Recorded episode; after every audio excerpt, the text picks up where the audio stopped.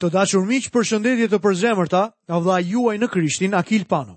Ju uroj mirëseardhjen në emisionin e sotëm, emision në të cilin do të vazhdojmë studimin tonë në librin e parë të Samuelit. Pasi në emisionin e kaluar përfunduam studimin mbi çështjen e Saulit, të cilit iu hoq mbretëria, sot në kapitullin e 16 të librit të parë të Samuelit do të shohim vajosjen e një individi tjetër për të qenë mbret. E pra është fjala për mbretin David. Perëndia zgjedh Davidin si mbret për të pasuar Saulin dhe dërgon Samuelin në Betlehem për ta vajosur atë si mbret.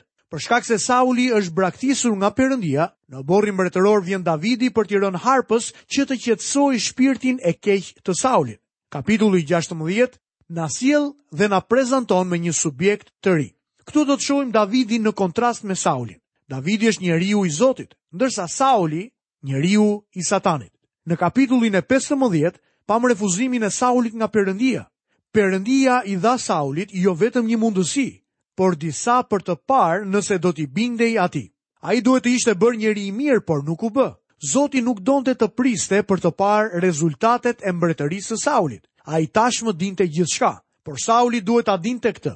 Samueli kishte nevojë ta dinte këtë sepse e donte Saulin. Njerëzit duhet ta dinin sepse ata e kishin zgjedhur Saulin vetë. Sot unë dhe ti duhet ta dimë nëse jemi apo jo fëmijë të vërtetë të Perëndisë. Për këtë arsye testohemi. Ne kemi nevojë për ndihmën e frymës së Zotit sepse tek libri i Hebrenjve, kapitulli 12 dhe vargu i 6 na thuhet, sepse Perëndia Ndreq atë që do dhe fshikullon çdo bir që i pëlqen. Zoti i teston ata që do. Kjo ishte metoda e Zotit në kohën e Saulit dhe kjo është metoda e tij edhe sot. Lum njeriu që ngulmon në provë sepse kur del i aprovuar, do të marrë kurorën e jetës të cilën Zoti ua premtoi atyre që e duan. Sërish, përse u dha ai urdhër ekstrem për vrasjen e Amalekitëve dhe Agagut? Amaleku ishte bir i Esaut. Amalekitët i luftuan bijtë e Izraelit kur po përpiqeshin të hynin në tokën e premtuar. Perëndia tha se ai do të luftonte me amalekitët nga brezi në brez dhe si përfundim do t'i gjykonte ata. Amalekitët patën pesëqind vjet kohë për të ndryshuar rrugët e tyre të mbrapshta. Zoti i gjykoi sepse ata i kishin kthyer shpinën Perëndisë. Tani mbërrijmë në atë vend ku Perëndia zgjedh Davidin për të pasuar Saulin si mbret. Perëndia dërgon Samuelin në Betlehem për të vajosur Davidin si mbret. Davidi ishte zgjedhja e Zotit. Lexojmë në kapitullin e 16 të librit të parë të Samuelit, vargun e parë. Zoti i tha Samuelit, deri kur do të mbash zi për Saulin, kurse unë e kam hedhur poshtë që të mos mbretërojë mbi Izrael.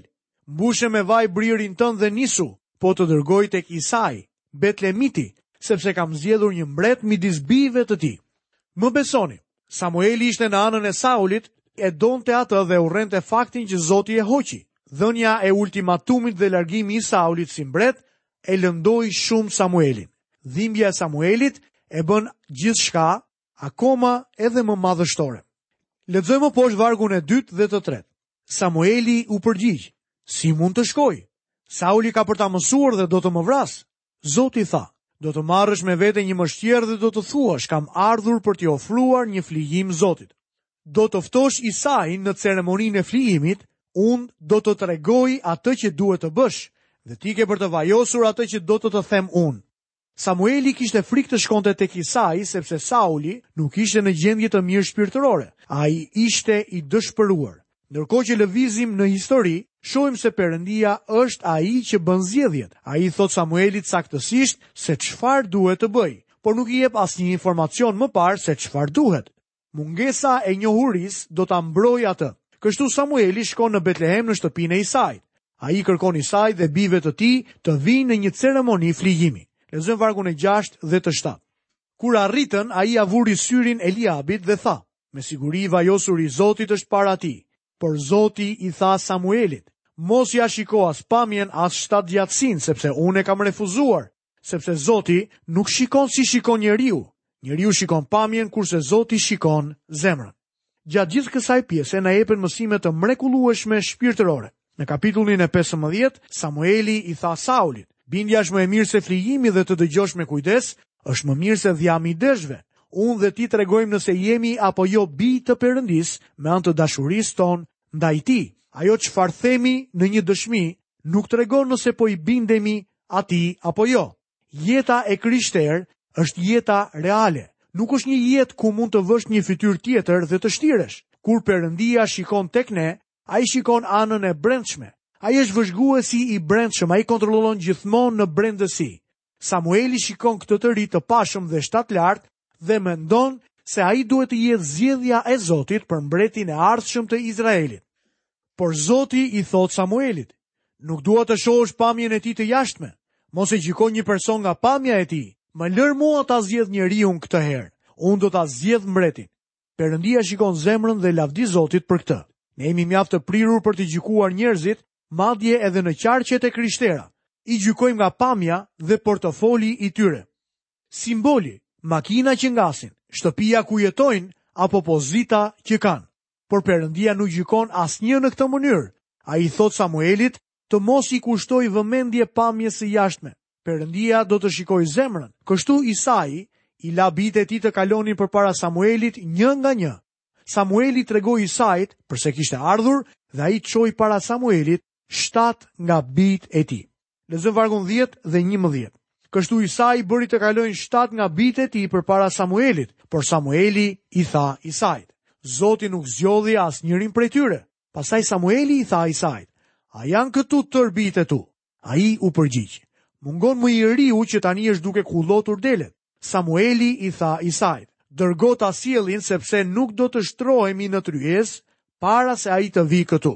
Sigurisht edhe vetë ati i Davidit nuk do ta kishte zgjedhur atë mbi shtatë vëllezërit e tij. Sa për të filluar, Davidi ishte vetëm një djalosh, besohet se mund të ketë qenë rreth 16 vjeç ose ndoshta edhe më i ri.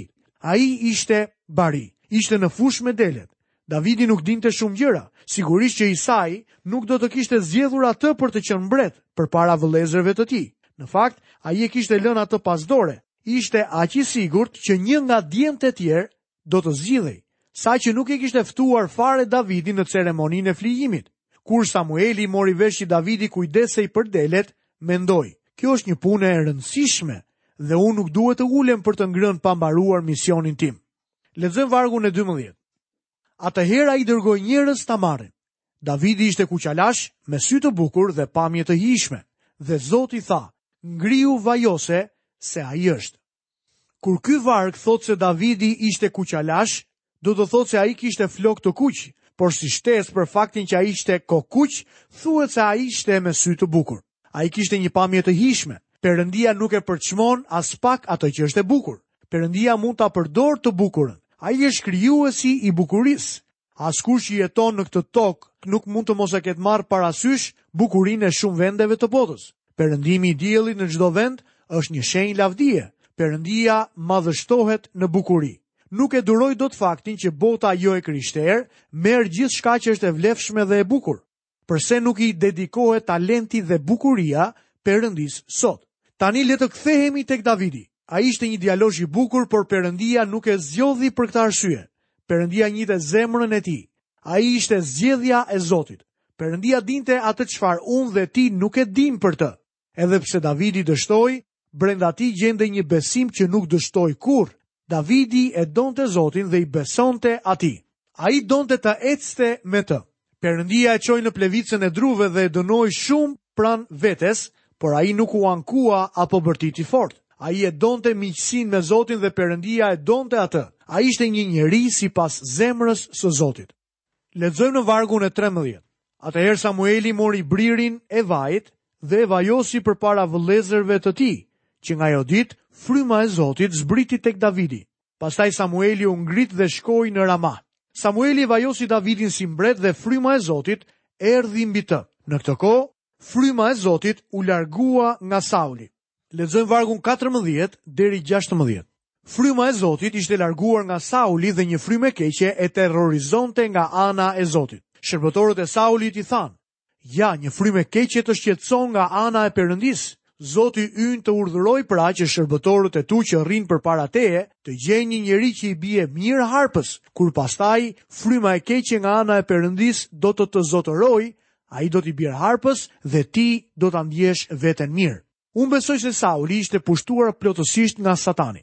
Shërbëtorët e tij vunë re se ai kishte një sëmundje mendore dhe shpirtërore. Thuhet se muzika kishte fuqinë për të larguar frymërat e këqija. Shërbëtorët e Saulit sugjeruan të gjenin muzikantin më të mirë. Davidi ishte muzikant. Lexojmë vargjet 17 deri 23. Sauli u tha shërbëtorëve të tij, më gjeni një njeri që i bie mirë dhe ma sillni.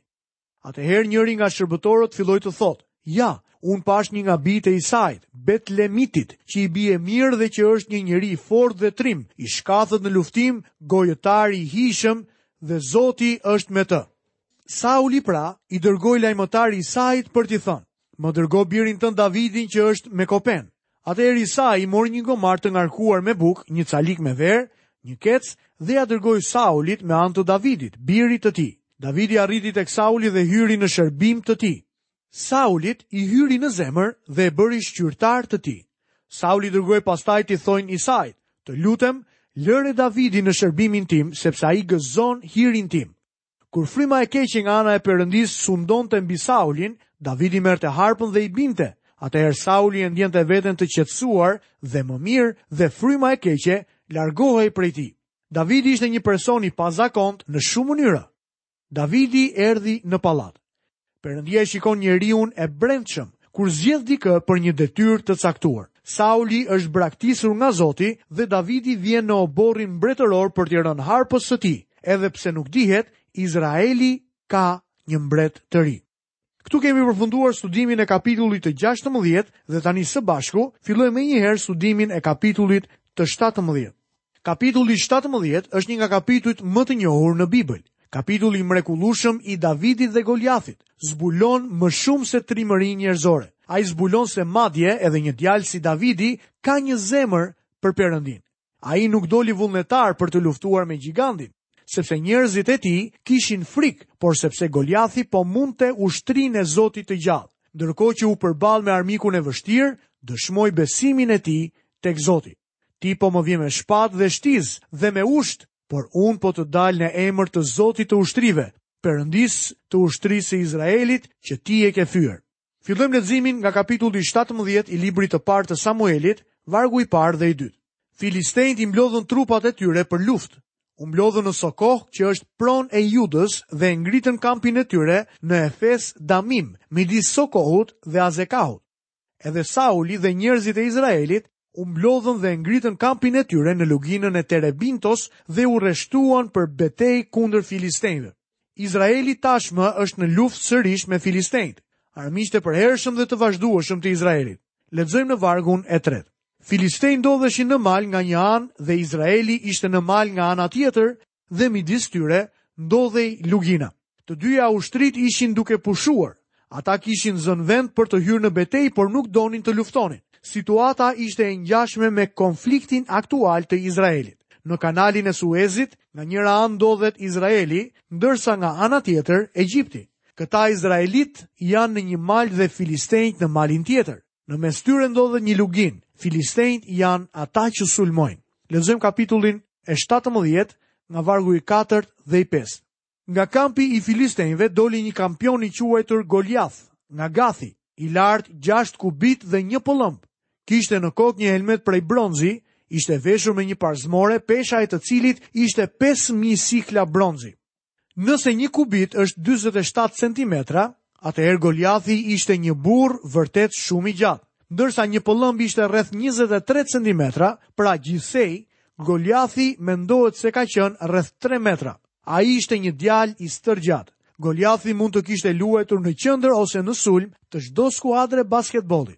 Sigurisht që këta ushtarë donin ta linin betejën midis Goliathit dhe një izraeliti. Lexojmë vargjet 7 dhe 8. Maja e ushtës së tij ishte si shuli i një endësi dhe peshonte 600 sikla argjendi, para tij ecte shqytari i tij, ai u ndal dhe u thirri grupeve të ushtarve të Izraelit. Pse keni dalë për t'u radhitur në formacion beteje? A nuk jam unë një filiste dhe ju shërbëtorë të Saulit? Zgjidhni një burrë që të dalë kundër meje. Çdo ditë Goliathi sfidonte izraelitët të dërgonin një njeri për të luftuar me të. Por pas 40 ditësh, asnjë nuk pranoi. Davidi doli në skenë për shkak se kishte sjellë bukë për vëllezërit e tij që ishin ushtarë. Davidi u alarmua që askush prej tyre nuk pranonte sfidën. Vëllezërit e tij u përpoqën ta dërgonin në shtëpi, por Davidi nuk donte të shkonte. Kur Sauli dëgjoi që Davidi do të luftonte kundra Goliathit, u përpoq t'i jepte armaturën e tij. Por Davidi ishte vetëm një djalë i vogël. Ai tha, Nuk mund të luftoj me të sepse nuk jam mësuar. Unë do të luftoj me armët që jam mësuar të përdor. Çfarë mësimi i mrekullueshëm! Le të mos përpiqemi të jemi dikush që nuk mund të jemi, ose të bëjmë diçka që në të vërtetë nuk mund ta bëjmë. Nëse Perëndia të ka thirrur për të përdorur llastiqe, mos u përpiq të përdorësh një shpatë. Nëse Perëndia të ka thirrur për të folur, atëherë fol. Nëse Perëndia të ka thirrur të bësh diçka tjetër, bëje atëherë. Nëse Perëndia të ka thirrur për të kënduar, këndo.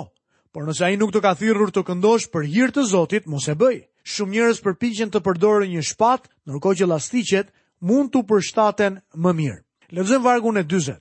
Pastaj mori në dorë shkopin e tij, zgjodhi pesë gurë të lëmuar në përrua, i vuri në torbën e bariut në një thes të vogël që kishte me vete. Pastaj me hoben në dorë, u nis kundër Filisteut. Disa njerëz mendojnë se Davidi zgjodhi pesë gurë sepse kishte frikë se mos nuk gjuante dot në shenjë me gurin e parë. Por Davidi nuk mendoi këtë. Po atëherë përse zgjodhi pesë gurë? Përgjigja gjendet tek libri i dytë i Samuelit, kapitulli 21 dhe vargu 22.